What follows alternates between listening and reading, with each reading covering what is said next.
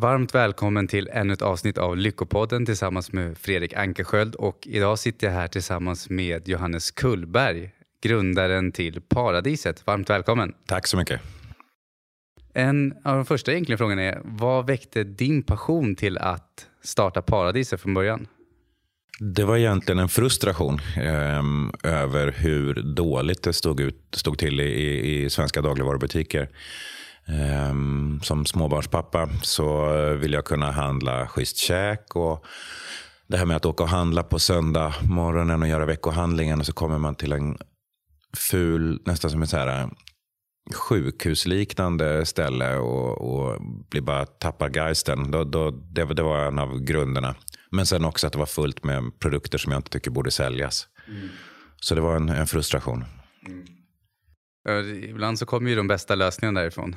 Ja, för mig är det så. Jag är inte sån som eh, ligger och skriver på och liksom analyserar en bransch för att se vad man kan tjäna pengar. Det, liksom, det har aldrig funkat så. Utan det är mer att jag blir förbaskad och tänker att Nej, men det här måste gå att göra bättre. Och, och, så det var, det var tanken. För det här är ett, egentligen ett kamikazeprojekt. Det är sjukt svårt att bryta sig in i den här oligopolmarknaden som vi har. Det krävs massor med pengar, sånt som jag inte har personligen. Eh, och det krävs ja, väldigt mycket jag tror, timing och, och, och även eh, en hel del eh, balls of steel måste man ha. För det här är, det är, det är ruskigt obehagligt eh, kan man säga. Jag kan tänka mig det. Men jag tror också att när vi startar någonting, om vi bara gör det för pengarna så är det sällan det håller. För just det att när det blir riktigt jobbigt, ja. vilket det kommer stunder av, ja. om man inte har ett djupare varför eh, så är det ofta svårt att hålla ut. Ja, det är faktiskt en, en, en klok poäng. Och det, mm, det här för mig är allting som jag står för. Det är eh, hur jag tycker att man, man liksom eh, ska kunna berätta för sina barn. Jag vill, jag vill kunna liksom eh, känna mig stolt för mina barn, vad, vad, vad jag har gjort. Jag, jag, tycker det här det ska vara roligt och härligt för mina vänner och för min familj att kunna gå och handla och alla som jag känner. Och, och det är också ett sätt att få visa att det är en ny tid nu. nu. Nu räcker det. Man kan inte bara hålla på och satsa på och mm, tjäna in nästa Ferrari liksom, och, och, och, lura svenska folket. Jag tycker det, den tiden är förbi. Mm. Men jag tror också att med tiden, om man satsar på det rätta, så kommer man till slut få ekonomin att kunna köpa Ferrari om man vill det. Men att det inte är huvuds... För har man det som huvuddrivkraft så är det lätt hänt att man snålar på saker som man inte borde snåla på. Ja. Ja, det tror jag blir ganska fattigt liv också att hålla på så. Det är klart att vi, jag driver mina, mitt företag för att få det lönsamt. Annars så har man ju ingen hållbarhet och liksom kommer inte kunna överleva, kommer inte ha någon impact. Så det är extremt viktigt. Men det finns ju en, en någonstans en skillnad mellan det här eh, okej okay, lönsamma och groteskt. Eh, det är liksom, där någonstans får man kanske fundera på. Och framförallt egentligen det är väl inget fel att tjäna pengar om man gör det på ett med ett rent samvete och bra produkter och liksom gör en bra grej. Det finns ju de som har lanserat andra, andra produkter och tjänster som har bara exploderat och som har gjort världen, världen till en bättre plats. Ja, men perfekt. Låt dem tjäna pengar och vara lyckliga. Liksom. Mm. Mm. Du sa oss in på, jag läste lite om svarta listan som ni har. Mm. Eh, kan du berätta lite mer om den? Ja, den, den har sitt ursprung i just det här med att det ska vara lätt för våra gäster som vi säger då, att kunna handla eh, hos oss. Och idag så måste du nästan vara kemist eller liksom nutritionist för att ha någon koll på vad det är som står på baksidan av de här förpackningarna. För eh, producenterna har slunkit in massor med ämnen för att mm, produkterna ska hålla längre på hyllan eller bli billigare att tillverka och så vidare. Och det är skitsvårt att, att, att se igenom eh, och det tar tid. Du kan inte stå och vända på varje förpackning. Så det var en av grundtankarna, att göra det lätt att handla. Du ska kunna lita på allting som finns och då måste du också kunna tala om vad är det som inte finns. Mm. Och då tog vi fram den här svarta listan som är eh, totalt över 200 tillsatser, ingredienser och produkter som vi inte tillåter i paradiset. Så det vet man när man kommer och handlar hos oss då att cool, alla produkter som finns här är så naturliga som det går. Mm. Eh, och det är väldigt skönt. Det får vi väldigt mycket beröm för. Uppskattning. Men det är en av grejerna jag gillar också. att Jag försöker själv lära mig om kosten just på grund av att för att må bättre har jag lärt mig väldigt mycket om hur vad vi äter och stoppar i oss också påverkar hur vi mår. Ja. Och jag nämnde innan för dig, innan vi började här, att jag kan sitta och meditera och jobba på mig själv. Men om jag fortfarande trycker i mig för mycket saker som kanske inte är bra för min hälsa så får det motsatt effekt. Så att det blir liksom att det andra jag gör får inte lika, lika positiv effekt som jag kanske skulle önska. Men om jag gör både och, då får man ut så mycket mer i livet i sin helhet. Och jag tror folk idag förstår inte hur stor effekt kosten har på välbefinnande, på produktivitet, på ja, långsiktig hälsa också. Eh, och det här kommer, tror jag, jag är övertygad om att det kommer bara komma mer och mer forskning som, som visar att hälsans centrum sitter i magen. Liksom. Det är där eh, det, det styrs hur du kommer att må och, och, och hur du kommer att leva. Om du kommer att vara en frisk, produktiv, glad person eller om du kommer att vara en, en trött, eh, sjuk, fet person. Eh, och, och det, det hänger väldigt mycket ihop med kunskap, utbildningsnivå. Så det är också en del som vi vill jobba för och, och, som jag mycket pratar om. Det är just den här kunskapen, att hjälpa folk förstå hur viktigt det är att äta, äta rätt. Och att det inte behöver kosta mer. Och när ni jobbar på att få in mer närodlat, vilket sätt gör att ni kan ta bort så många ingredienser? Ja, det är lite blandning här. Närodlat är en sak, men det vi pratar om är naturligt. Eh, Så att om vi pratar om naturligt så, så handlar det egentligen om att om vi inte går till de allra största producenterna, eh, som om vi tar Unilever till exempel, eller Kraft eller liksom någon av de här stora, Mondelez. Eh, där, där, att köpa produkter av dem, ja, men där, då får du med dig eh, hela paketet och det går inte. Men om, om vi pratar om en, en producent från trakten, om man kommer in på din närodlade koppling, då, då, så har inte de de här tillsatserna för det behövs inte. Eh, ja, produkten får en lite kortare hållbarhet. Eh, men fine, det är liksom, jag, jag tar hellre en produkt som faktiskt är färsk och blir dålig än att den kan stå på en hylla i ett år och se likadan ut. Eh, så, så är det. Och det finns väldigt många producenter som är för små för att leverera kanske till eh, stora ICA eller Coop eller vad det är. Men eh, absolut klarar en så liten skitkedja som oss, eh, även om vi växer till en, en bit också. Och på samma sätt som vi gjorde på Lidl, där jag jobbade för många år sedan, så börjar man att, att Får jag in mindre leverantörer som får växa tillsammans med oss så kan de också klara av att leverera eh, när vi blir mycket större. Ja, vad var dina erfarenheter innan du startade Paradiset?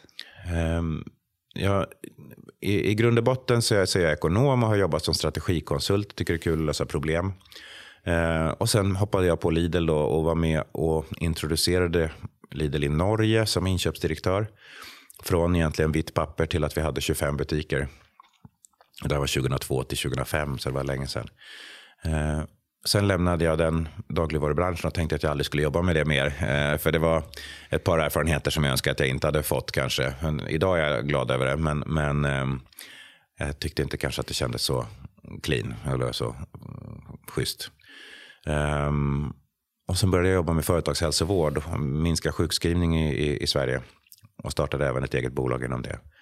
Så det är min bakgrund. Så blandning av liksom, strategi och mat och hälsa. Liksom. Så att det här jag gör nu är precis mixen av, av allt det.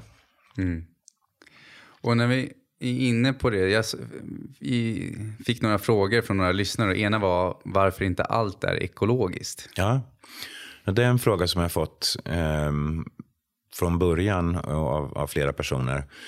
Och den största anledningen, det finns flera anledningar, men den ena är ju att om vi ska ha en butik som faktiskt går runt och är lönsam och är trevlig att besöka så måste vi ha produkter som inte är ekologiska, alltså som är de här naturliga, för att få ett tillräckligt brett sortiment. Om du tittar på de butikerna som finns, det är inte många kvar nu, men har funnits som har varit 100% ekologiska, så får de inte ekonomi i sin verksamhet och går i konkurs. Och jag tror inte vi gör någon en, en tjänst genom att gå i konkurs. Vi har en ekoandel totalt någonstans på 75 procent, 70-75 procent idag. Mm. Vilket är ju ja, sju gånger högre än Coop, om vi säger så, då, som annars är, är högst. Så att jag tycker inte vi är speciellt dåliga, men vi vill alltså inte ha 100% eko, för då skulle butikerna um, ha väldigt mycket färre produkter. Vi skulle också ha ett högre prisläge som gör att det är bara de som vi kallar de mörkgröna som kan handla. Mm. För oss är det extremt viktigt att vi får in det också de ljusgröna. De här som är liksom, ja, man handlar en del ekologiskt, men tycker att eh, det kanske kostar lite för mycket eh, med att bara handla ekologiskt. Och då vill vi kunna ha schyssta produkter som är naturliga. Så får man välja själv. Vill jag ha bara ekologiskt, inga problem. Mm. Och mörkgröna, det är de som väljer fullt ut att köpa allting ja, ekologiskt. Absolut. Och kan bli så här lite hatiska och säga liksom, hur i hela fridens namn kan ni sälja en paprika som inte är ekologisk? Liksom? Och, och, och då, då svarar vi på hur, hur, vi tänker här med när det gäller frukt och grönt. Då har vi gått igenom, vi följer alla riktlinjer som finns. Vi analyserar eh, besprutningsgrader eh, och såna här saker. Eh, till exempel så, så vissa produkter köper vi bara ekologiskt, vindruvor och, och andra sådana produkter. Um, vissa kan vi tillåta om, uh, att de inte är ekologiska om de kommer innanför EU och från vissa länder där vi vet att man har en väldigt låg grad av, av besprutning. Och, och, eh, när det gäller paprikorna till exempel så eh, i många fall så besprutas de inte alls för de växter i växthus. Eh, mm. Utan det är näringsämnena som då tillförs som kan vara syntetiska och inte naturliga. Så det är också väldigt mycket okunskap. Ibland bland den här hardcore-falangen så kan det vara mycket tyckande och kanske inte alltid 100% kunskap. Mm. Jag visste inte om att de brukar sätta till tillsatser för att få näringsämnena. Hur fungerar det? Men om, du, om du har odlat en, en blomma hemma någon gång eh, ja. så får du en liten näringslösning. Eller nu, och det är, det är samma sak, att du har en näringslösning i, i, i jorden för att du ska få en eh, större, vackrare, finare paprika. Mm. Så det är mer så. Och då är det inte alltid de är så hälsosamma, de lösningarna som vi... Det, behöver inte vara, det har inte med hälsosam... Det, det är också den här vanliga... Eh, missen att man blandar ihop hälsa och ekologiskt alltid. Mm. Alltså, det här tillsatsen. Um, det kan ju vara, om, det, det, det, skulle kunna vara så att man stoppar i produkter som eh, gör att paprikan växer x gånger snabbare, vad vet jag. Eh, de producenterna vi arbetar med är ju eh, och, och det, är inga, det är inga konstigheter. Eh, där är det finns inga gifter i, eh, liksom, hälsopåverkande gifter i, i, i produkten. Då skulle inte vi sälja dem. Eh, men det är inte, de är inte naturliga, de här gödningsmedlet eller näringsmedel. Det är inte kobajs eh, eller, som, som man använder utan man använder kemiskt framställda produkter. Då. Mm. Jag hade själv föredragit att naturligt bara köra, köra ekologiskt. Men det är också dubbla priset ungefär. Och då måste man kunna låta gästerna avgöra. De som vill ha ekologiskt, de får det. Mm. Men sen så kan man då ta konventionella också. Då, då. Men jag tycker ändå det känns skönt att veta att ni har det genomtänket så att ni inte tar in de här äh, absolut värsta sakerna. Nej. Och det, det, det är någonting som vi försöker att både utbilda oss själva hela tiden men även att utbilda gästerna om någon frågar. Och, så vi har tagit fram riktlinjer som vi då, all personal också kan läsa och följa av. Mm. Så det, men det är ett kontinuerligt arbete. Jag förstår det. Jag har ju själv hållit på att lära mig nu medan vi pratar. Mm. men det finns också en bok som jag gillar som handlar just om tarmen som heter Charmen med tarmen. Ja. Eh, som går igenom hur tarmsystemet fungerar och hur det kan påverka vår fysiska och psykiska Alltså vårt psykiska välmående. Ja.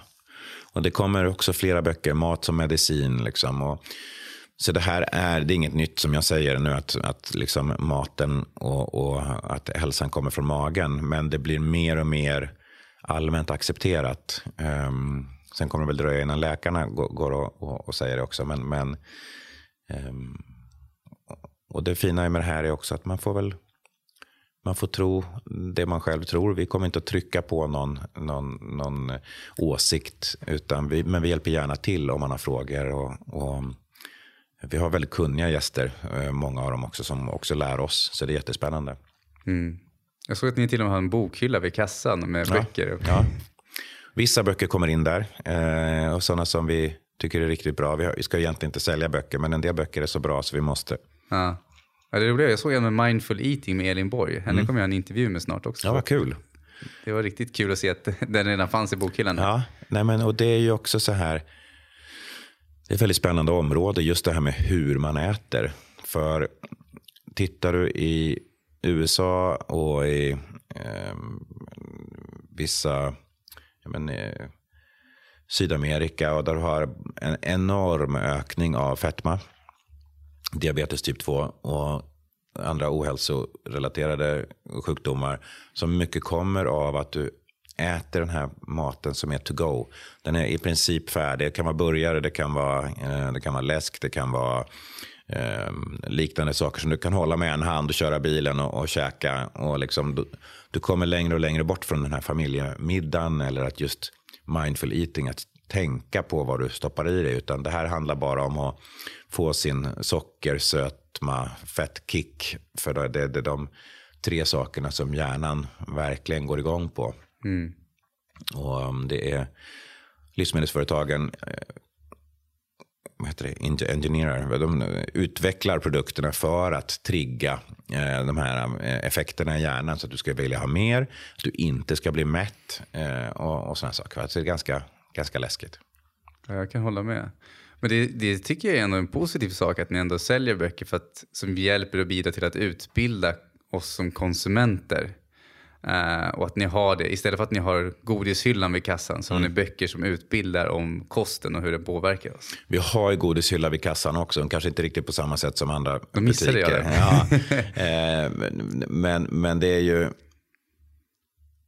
Böckerna är viktiga för, som sagt, vi tycker det här med kunskapen är, är superviktigt. Eh, och jag tror de kommer växa den delen. Och särskilt när vi börjar med näthandel kommer vi också sälja böcker där tror jag. Eh, ehm, och godis, ja vi säljer godis för att vi är heller inte som sagt hälsofascister. Det är viktigt att man kan hitta sina chips, sina popcorn eller sin choklad eller sina um, smågodis hos oss. Men låt det vara schyssta grejer. Det tycker jag också är vettigt. Mm. Och ni har ju nu också, som jag såg att ni har, vad heter det, Funded by Me. Just det. Det där man kan en bli crowdfunding delägare. så man kan bli delägare i Paradiset. Ja. Det har nu pågått i två veckor. Eh, har varit en fantastisk, fantastisk resa. Det, eh, by Me är ett jätteduktigt företag som hjälper många små företag att få in kapital helt enkelt av privatpersoner som tror på en affärsidé och vill, vill investera. Och jag har gått och nosat på det här området med, med crowdfunding i, redan innan Paradiset öppnade. Och ehm, kände att nu var tajmingen rätt och lyckades få med mig styrelsen på det också. Så att vi um, um, körde igång en kampanj här nu den 9, nej vad var det för någonting? 26 september var det. Eh, och eh, vi hade som mål att ta in 8 miljoner kronor. Och eh, det gjorde vi på inte ens nio timmar. Det bara small till. Det var helt sjukt. Så det var jätteroligt. Men pengarna är egentligen inte den stora anledningen utan vi vill få in många nya delägare som kan vara med och hjälpa till och ja, demokratisera, som jag säger, de här mat, eh, dagligvarubranschen i, i Sverige. Att vi kan vara många som eh, talar om hur vi tycker att det ska vara. Och då får de vara delägare hos oss och eh, vara med och påverka hur vi växer och utvecklas. Och det är många kloka, smarta, duktiga personer som kommer in genom det här som blir ambassadörer för Paradiset. Så det är en jättehäftig eh, grej. Hur skulle de som lyssnar på det här nu kunna bli en del av det? Ja, det beror på när den kommer ut. Då. Vi stänger den 17 eh, oktober här nu på, vid midnatt. Stänger rundan.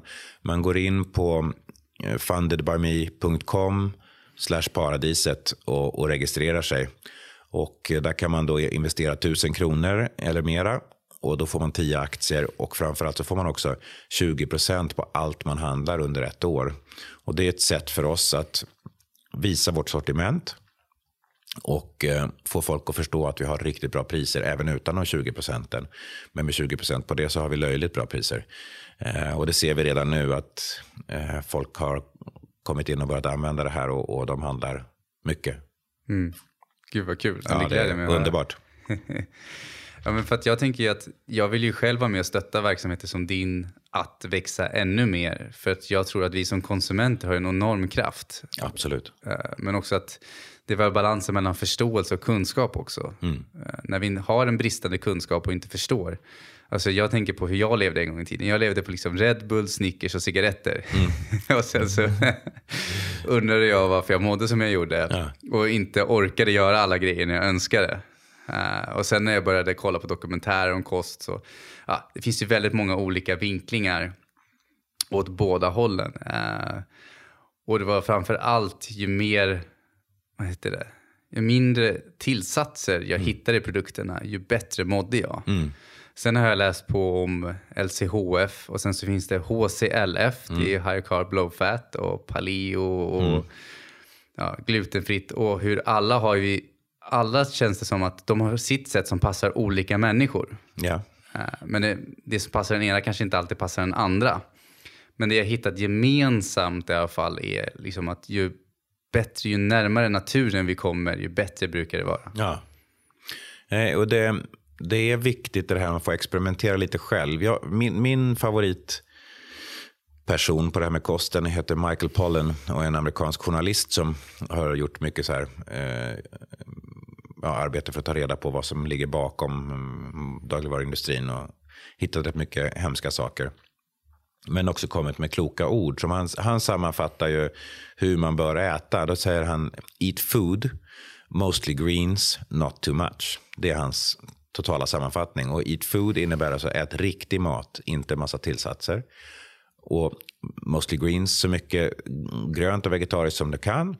Och sen not too much. Ät inte så att du liksom blir proppmätt hela tiden. Det behövs inte. Och håller du till det, ja men där har du löst skulle du införa, skulle folk äta så, så blir du av med, med liksom fetmaepidemin. I, I Sverige idag så är mer än varannan svensk överviktig. Mm. Och det är ganska skrämmande. Mer än var tredje barn är överviktigt. Och det kommer mycket på grund av framförallt de här flytande kolhydraterna, alltså läsken, Red Bullen som du pratar om. Um, som är, är, är, livsfarliga och sen väldigt lite aktivitet på det. Man sitter och spelar dataspel eller vad man gör för någonting. Så mm. att, um, ja, jag såg en dokumentär också. Jag har inte utforskat det området så jättemycket, men den tydde på att ju mer vad heter det, onyttigt vi får i oss, ju mindre också blir vår vilja att gå ut och röra på oss. Ja. Så att ibland så kan det ju vara omvänt, att vi äter så onyttigt att vi inte har energin att röra på oss. Och då blir det ju en ond cirkel. absolut, absolut. Och det är viktigt att förstå att de här personerna som kanske sitter och blir överviktiga, det, det är inte så att det handlar om lathet eller något sånt här. Utan det, de blir liksom, det här knarket som de får i sig, det, det, man blir förslavad av det. Liksom. Det, är, det är svårt att bryta sig ut, det är jättesvårt. Mm. Så att det är, jag tycker man ska ha en väldig respekt och, och förståelse för att det är svåra beslut som många inte vet om att de fattar. Utan det är bara Um, man, man handlar och tror att man ska få i sig schyssta grejer, men sen mm. så är det, är det skräp. Mm. Ja, men för jag vet ju att vissa tänker så att ja, men de säljer det i affären, ja, så därför borde det vara... Då borde det vara okej, okay, eller hur? Ja. Och då brukar jag tänka på, det finns en gammal eh, reklam på, vad heter det, så här cigarettreklam på ja. tv. Mm. Den är jättegammal, men då var det läkare och tandläkare som promoterade rökning. Mm. Och då brukar jag tänka så här, ja, det betyder ju inte att allt de gör är fel. Det finns ju mycket de gör rätt också. Men om det har hänt en gång så betyder det att vad är det vi gör idag i vårt samhälle som vi än idag börjar utforska kanske inte stämmer det vi har fått lära oss om det. Och det, där, det, det är mm, helt rätt. Och detsamma gäller ju då om man tittar på det här med tillsatser som jag tycker är väldigt spännande. Så ser man ju att hur det tas fram. Hur, testar, hur testas de här tillsatserna? Det är ju djurförsök framför allt. Där du då testar på möss och råttor. Man ger dem väldigt höga doser för att se om de reagerar. Eh, men det är lite svårt att fråga en råtta om den fick ont i huvudet eller om den mådde jäkligt dåligt. Utan du ser det ju på när det dör, om den dör av cancer. Um, och, eller blir helt tokig såklart. Mm. Um, och, och, det känns lite märkligt att man använder sån teknik för att, för att utröna om, om, om de här tillsatserna är okej okay för människor eller inte.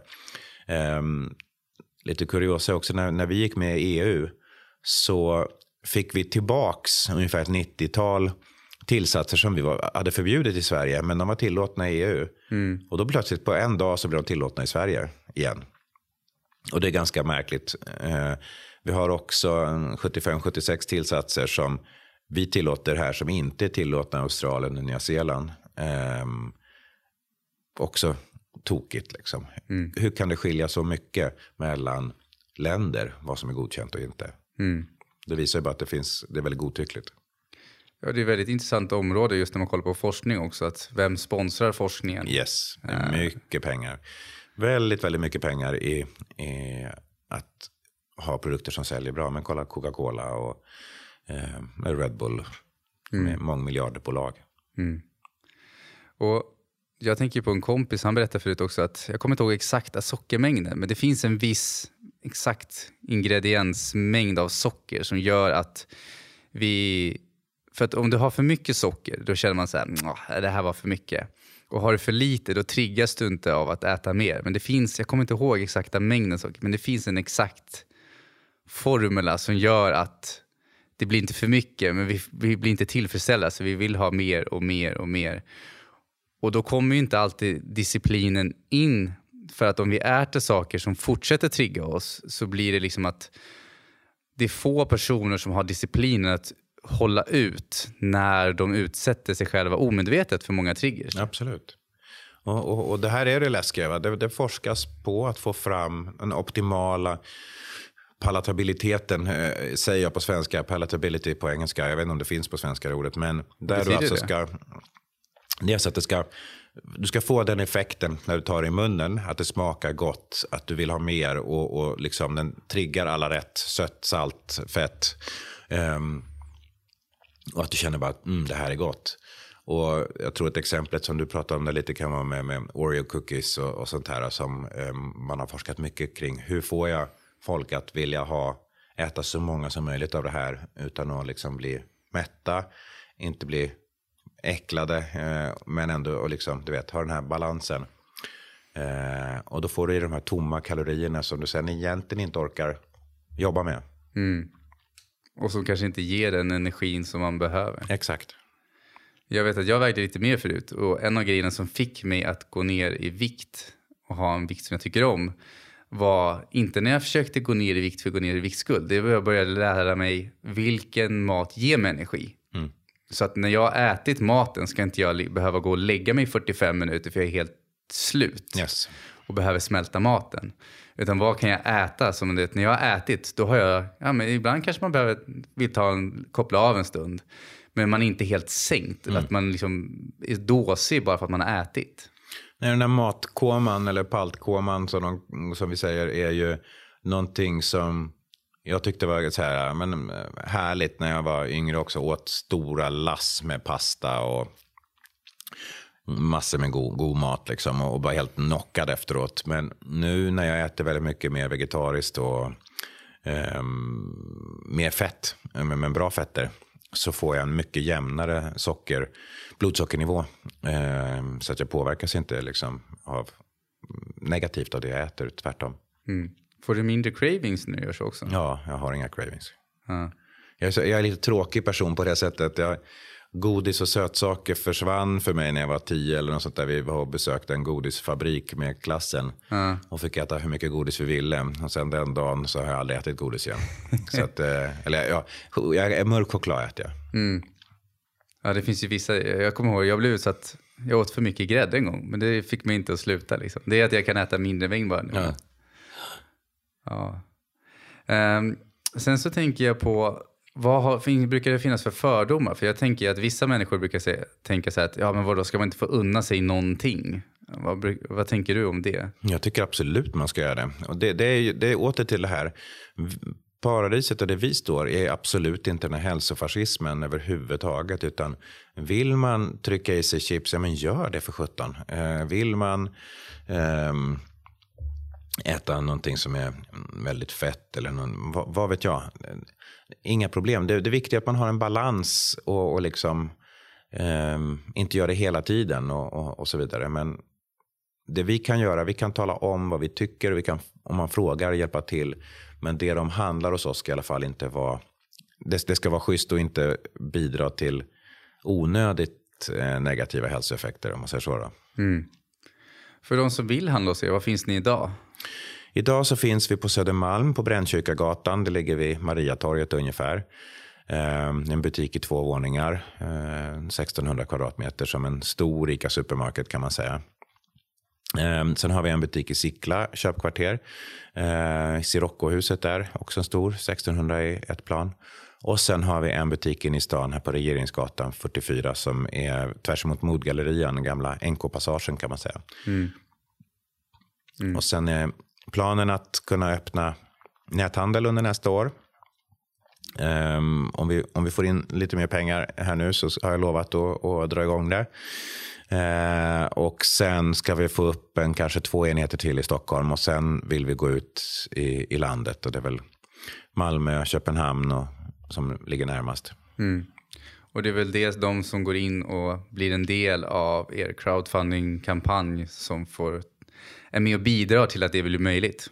Ja, det är klart. Eh, de pengarna vi tar in nu kommer ju framför allt att, att gå till eh, både det här med att utveckla näthandel och, och, men också att ta fram egna fler produkter i eget varumärke. Och det gör att vi kommer att kunna få bättre priser på, på sikt också som är viktigt för, för eh, oss och våra gäster.